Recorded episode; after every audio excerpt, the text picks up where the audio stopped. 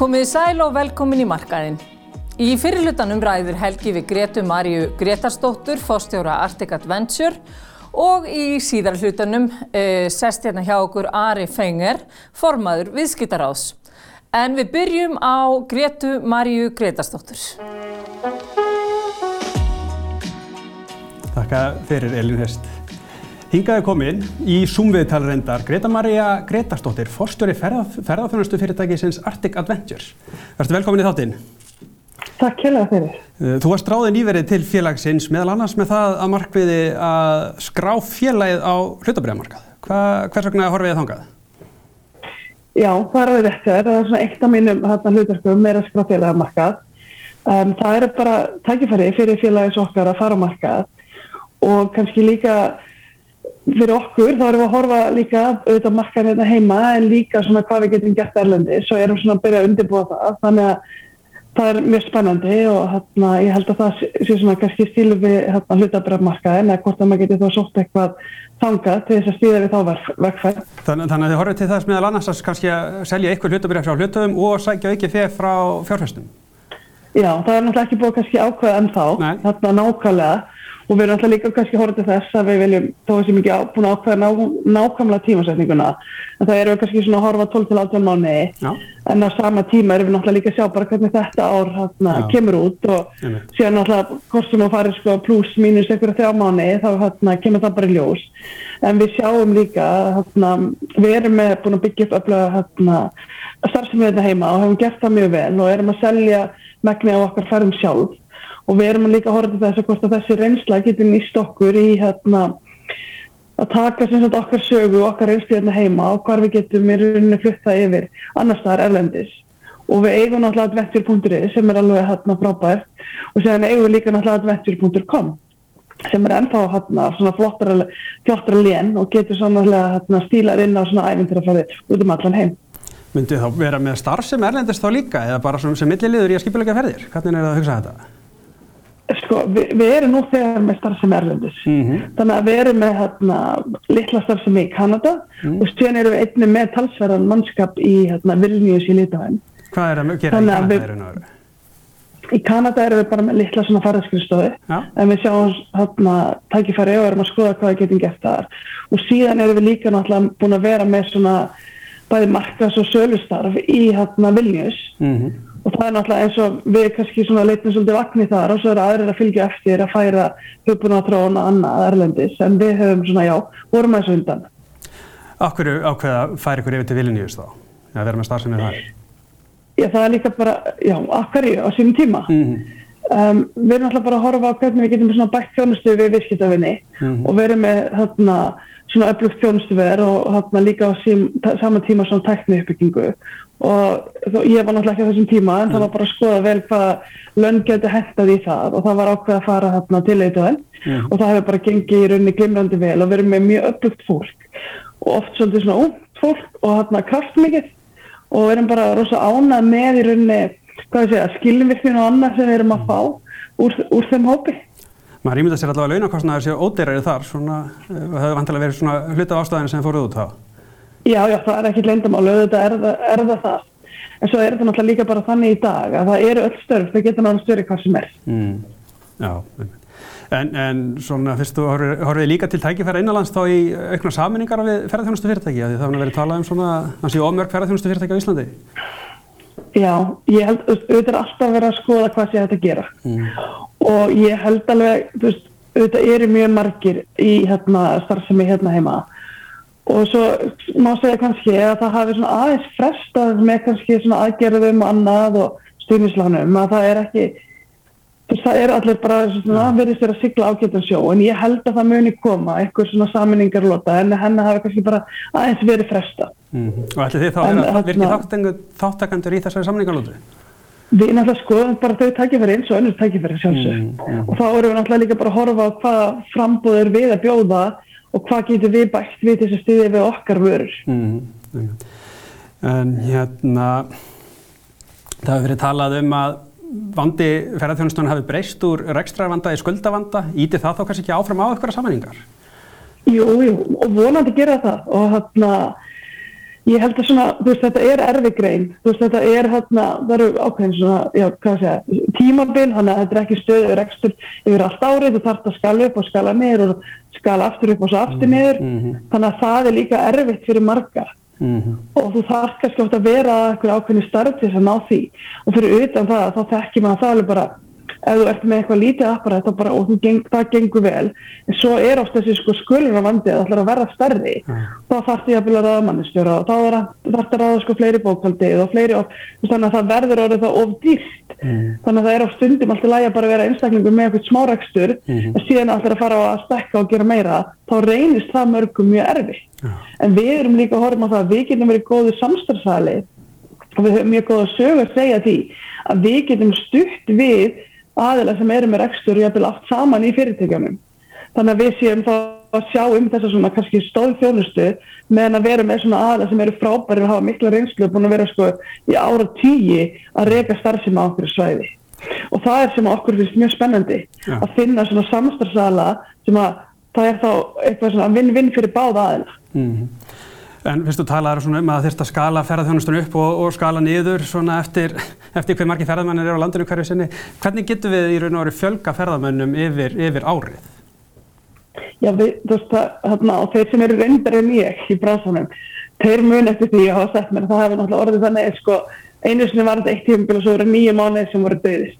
Og núna erum við að sjá meira tvö tímabil og april og mæ hefa verið svolítið erfiðir og svo aftur svolítið kannski oktober eða svona sínda höstin. Þannig að með því að Asíumenn fór að koma þetta meira á vetunar og þá breyktist það svolítið og eins og segið, vetartímabili varð mjög mikið lengra. Þannig að við erum farin að sjá tvö nokkuð svona löngtímabil. En það eru að sjálfsögðu tækifæri í því eins og í april og mæ. Þegar það er nokkuð gott verið í Íslandi og ekki komnið það margi ferðamenn, þá er rosalega gott að þarna, koma til landsins. Því að veðrið er orðið ágætt, það er ekki einhver 15. heiti, það er kannski það að kosta með sjálfnast, en þarna það eru auðvitað kannski ekki fólk að ferðast með með börna því að skólanir eru komin í frí. En það eru kannski ákveðinu hópar sem við gætum sókt, sem að gætu þá svona já, hjálpa fyrirtækjum að vera með stöður rekstur yfir allt ári og ég held að það sé líka svolítið sem að greini þar og þetta er svolítið erfitt að vera alltaf skala upp og skala niður. Hana, Hvaða hópar er þetta í raun og veru sem getur verið að koma yfir eh, vetratíman? Maður sé, kannski fyrir sig sko, við vitum að að þú ert ekki að fá þess að segja fólk með fjölskyldur því það er ekki mhm. komið frí í skólan með bönnunum en kannski fólk sem er hægt að vinna og annað. Og er fínt að koma, þú veist það er þarna, að fáið tiltalega á þarna, þessum helstu stöðum. Og þú getur notið spöytur að vera kannski hérna um meðan júli þannig að það er spurning, svo getur við fókusur á, á eldra fólk sem er hægt að vinna til þess að koma á þeim tímum? Verður það þá og betur borgandi ferðamenn sem ofta talaðum? Já, ég held hérna, ekki, ekki nokkuð spurning en svo er það náttúrulega líka svona kannski tegjanlega þarna, hvað er fara að gera og hvað er að gifta og annað sko. Mm -hmm. En þarna, það eru sannlega tækifærið til þess að gera betur á svona ákveðum árstímum og þetta er alltaf verið að vinna að því að gera þarna, landi meira að áfangastæða. En svo segir maður líka eins og það er maður að tala við þessu eldri þarna, sem er búin að vera mjög lengi að þeir segja að þetta var svo slæm en ég segja að þetta var svo slæm en það þýðir samt ekki endilega staðan í dag sé endilega þessu besta. Sjálfsög getur við gert betur. Mm -hmm. Uh, skiptir máli að dreifa ferðmennum betur um landið? Já, ég held það. Veist, það er náttúrulega þannig að Suðurlandið eins og fyrir COVID og fljótt eftir COVID líka, þá verður það uppselt. Og það þarf náttúrulega líka að fara að huga því og það er kannski búið að vera fókus að byggja mest einvegin og það eru flest hótelinn og salafinn og þess að það. En hvað ætlum við að gera? Því ég horfa á þannig, veist, hvert er hlutverk okkar sem er í ferðarþjónustinni? Við þurfum að tryggja það, veist, fólk er að koma enga til þess að sjá náttúruna og það er alveg, við erum svo ótrúlega heppin í slutningar að eiga þessar stórfenglu náttúru sem að fólk vil koma að sjá. Og hvernig ætlum við að tryggja aðgengja henni óspiltri fyrir komandi kynnslóður og þá þurfum við að hugsa náttúrulega svakalega vel hvernig við stýrum aðgengi að landinu. Þannig að það verði ekki ofmargir og gengi á landið og ekki á tilbúin göngustífum og annað. Þannig að það þarf að passa það svakalega vel. Og það gerum við með Já. meðal annars eins og segja með því að dreifa álæginu þannig að það verði ekki mikið og fólk fara að labba út fyrir stígu annað. Er það best að selja inn á ákveðna staði þá eða hvernig getur maður dreift þessu, þessum ferðamennum þá í raun og hver er svona líkið til því? Já, maður veldur alveg fyrir sér svona hvernig það verði í framtíðinni en ég held að þetta sé svona, kannski stefnum átum greinarnar sem að þurfa að fara í og sérstaklega þá í þessum aðfæringar hluta mm. að þú vilt ekki bara byggja endurlösta bílastæðum á Suðurlandi, það er hendur ekkit spennandi að þú komir alltaf bara á einhver risa bílastæði og náttúrupallan er svo bara eitthvað pínu lítið með við það að þú vansi sannlega þess virði að sjá. Hvernig getum við fengið fólk til að fara á fleiri staði Þannig að það er að tryggja innviði og eitthvað, eitthvað slíkt þá fyrir, fyrir ferðmennina við um land? Já, ég menna við tökum sem bara til dæmis þess að það sem ég er nú að vesturðunum sem er náttúrulega alveg ótrúleir að hana, það er líka bara veist, það er ekki, það er erfitt að fá gistingu sko bara oft, bara sömurinn fyrir Íslandingar sko, hvað mm. þá heldur allar að fara að bæta útlýtingu við, mm. þannig að infrastruktúrinu innviðir er ekki til staðar til þess að taka mát okkur um massa. Og hvað þá heldur vegakerfi, því það það líka að geta hana, tekið við fjöldan þannig að auðvitað samgöngu áallan eru annað. Þegar það er verið að byggja upp vegi og byggja einu veina þá náttúrulega opnar það líka tækifæri fyrir hérna, já, ferðamannaðinaðin og það er alveg líka að skapa fleiri störf oft í meðinni byggðum annað sem að hafa oft hérna, já, átt í basli. Mm. En hvernig horfið það að ferðamannasumrið við þér í ár? Man, ég er bara mjög bætt sín. Um, það er náttúrulega bara að tala um það að, sko, þetta er náttúrulega eitt, við erum náttúrulega eiga Þú kemur annarkostninga bara með flugi eða með skipi og flestir er að koma að sjálfsögja með flugi en það er bara, maður sér að það er að byrja þetta um bókunum frá skemmtifæraskipum en við veitum líka það að við erum seinust í rauninni. Veist, fyrst bókar fólk flugið og síðan bókar það hótelið eða bílalögabílinn sem sikkur með eða öðru hverju megin við það mm -hmm. og síðan ofta ekki aftrenguna fyrir það að komi á staðin en við erum bara búið okkur undir mjög gott sumar og erum bara spennt fyrir því og erum byrjað að ráða fólk og gengum bara nokkuð vel og erum að fá mikið af fólki nokkuð tilbaka sem er frábært. Skipta hömlur á, á landamærunum miklu máli þá að fá ferðamenni í sumar? Ek, ekki nokkuð spurning. Ef við erum með tarðari kröfur heldur en nákvæmlega löndu aðri þá kemur ekki tinga. Þú ferð ekki upp í bíl hérna og stekkur starf og keiringa sko mm. eins og það getur gert í mörgum öðru löndum. Þannig að landamæri skipta fyrir sjálfsög miklu máli. Og því fyrir því betra sem að hátna, í rauninu verður bara aflegt það og það verður nákvæmlega skipt hvernig, hvernig ferlið er. Mm og það er, já. Takk að kella fyrir spennleikur Greta Maria Þorstjóri Artika Ventures Vartu sæl. Í næsta lunda þáttar þá verður rætt við Ara Fengar formann viðskiptarás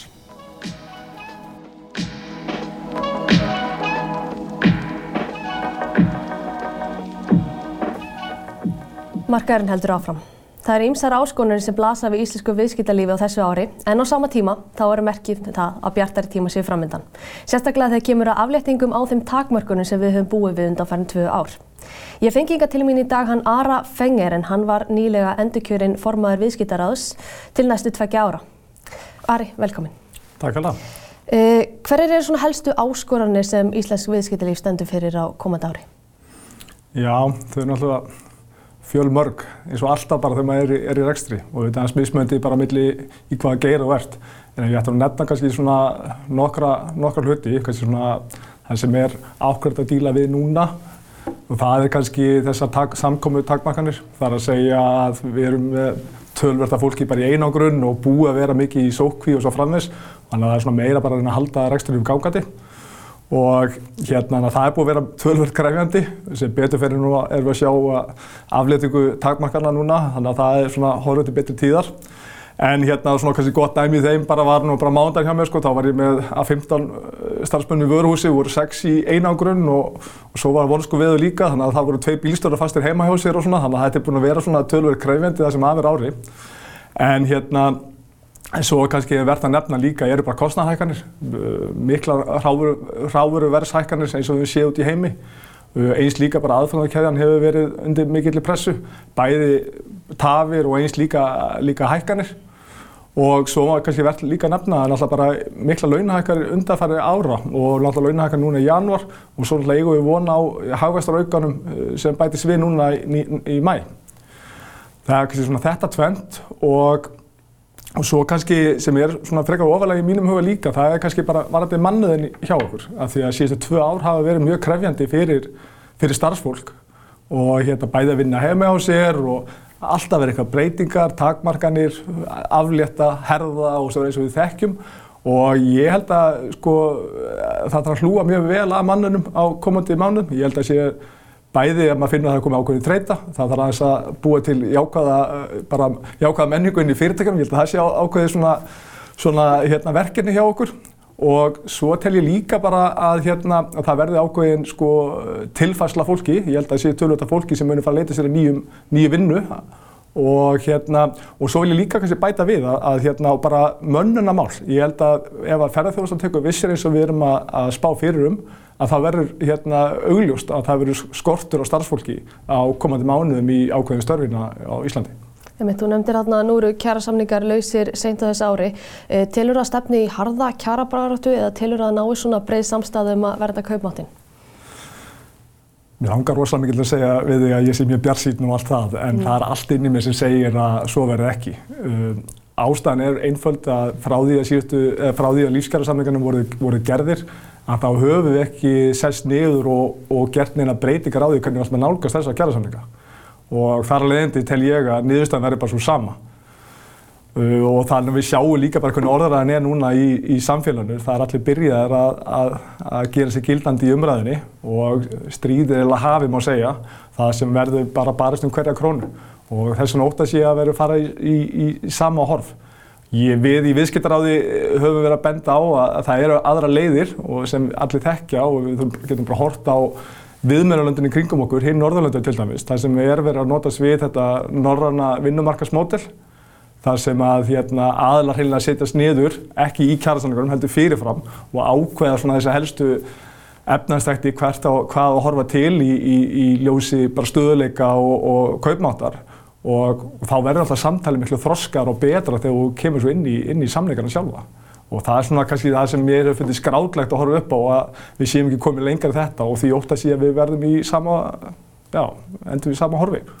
Nú hefur það svona verið þannig að hefur ofinbera hefur svona verið að leiða launathróunina. Hvað finnst þér um þá þróun? Augljósað svarið í því er að, að sá sem leiðir launathróun í landinu á að vera þar sem verðmætasköpurinn er, sem er hjá aðurlífunum og þess að segir er ég ekki mjög hrifin af þessu og eins og, við, eins og viðskiptarað var nú að benda á um daginn að frá því að heimsfaldunum byrjaði að þá hefur þá hefur stjórn, þess að þið hefur ofinbera, launa, launathróun hjá henni ofinbera hefur hækkað um, um 80% og hérna, og þetta er nákvæmlega þetta sem við erum alltaf í, það, það er þetta höfrungar hlaup og þarna er eh, ofnbæra að, leið, að leiða það sem er ekki, ekki, ekki jákvæmt. Nei, einmitt. Hérna, hvernig stendur Íslenskt viðskiptalíf samaborið við það erlenda? Ég tel okkur standa, standa okkur nokkuð vel. Það er að segja að ég held að við séum, við erum með, við erum með, við erum með flott fyrirtæki hérna landinu, við erum með velmendað og hæft starffólk en það er klálega svigrum til að gera, gera betur.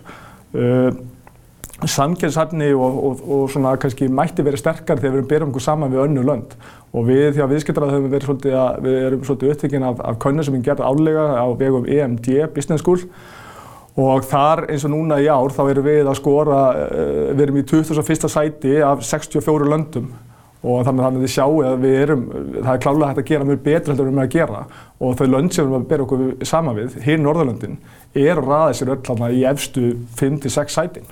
Þannig að já, það er svigurumsleikir en það er betra. Heimitt, hérna viðskiptaráð þeirra veltiði upp í síðustu viku hvort leggja ætti að nýju sérstakann bankaskatt. Hver er svona þín skoðun á því? Já, það er svona kannski eiginlega tvent í þessu. Uh, að leggja, að skatleika bankana meira. Uh, sko, mér veist að, uh, í mínum huga þá mun það verða bara til þess að að hérna, eh, kostnamun aukast bara á fyrirtæki og neytendur endanum. Þannig að ég held að það sé ekki, ekki leiðin. Uh, og eins eins ég var nefnda bara rétt í þessu eins og varandi bara sanginshefni. Við erum ekki ykkur vakjumi hérna á Íslandi. Minna, við þurfum að skatta umhverju bankana eins og annar fyrirtæki þarf að vera sanginshefni við það sem bara gengur að gerist í alltfjörlega vísu.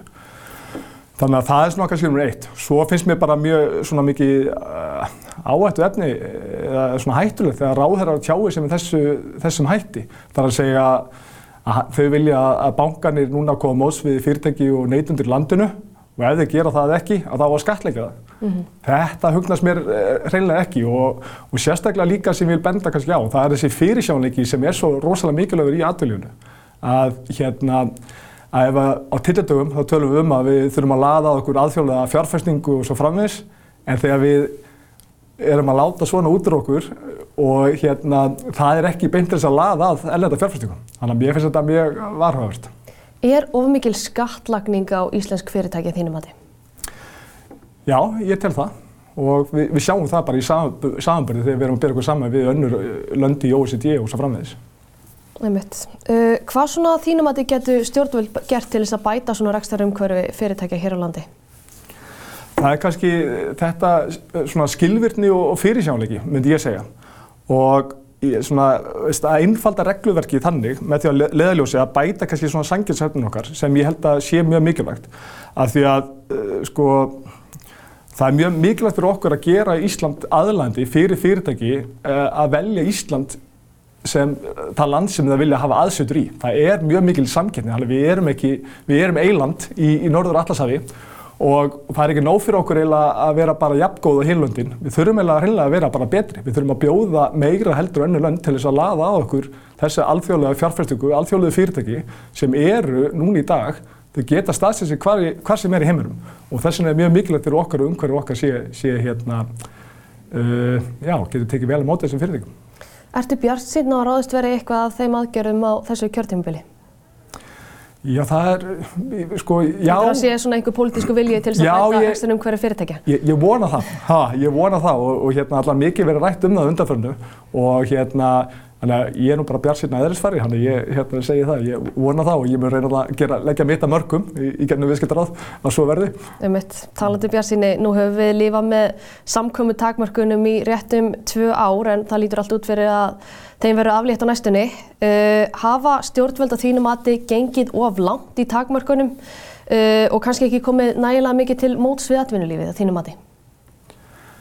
Ég held að sko þar aðgerð sem stjórnvöld gripu til við byrjun heimsfaraldursins uh, held ég að hafi verið mjög góðvar og að mínu mati og áhrifin voru þar að lendi talsvöld minni heldur en við, við töldum og eins líka er viðsnúningurinn mun hraðari heldur en við vorum búin að áætla. Þannig að ég held að það hefur verið mjög vel hefnað. Varandi kannski samkomi takmarkanir að svona í byrjun þá held ég, og það margir saman skoðan á þessu, en, en ég held að sé alveg rétt að kannski hlusta bara á sérfræðingarna til að byrja með.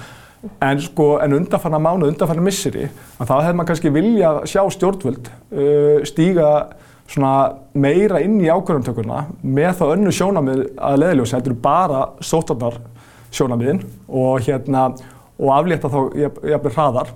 En ekki það, nú er ég ákvæmt, það er verið að aflétta takmarkanir og, og, hérna, og maður bara gera það hratt og öruglega.